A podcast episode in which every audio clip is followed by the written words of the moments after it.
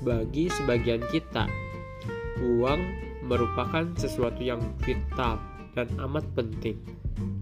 Tapi bukan merupakan puncaknya.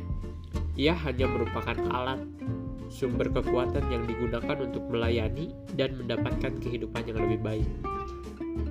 Orang-orang lainnya begitu kelaparan terhadap uang, sehingga dia menghancurkan mereka dan setiap orang di sekeliling mereka.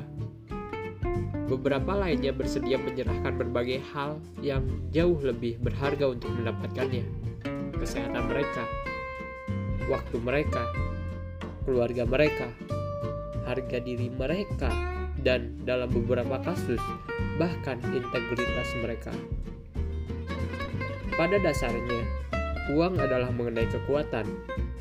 Kita semua telah melihat bagaimana uang dapat memiliki kekuatan untuk menciptakan atau menghancurkan.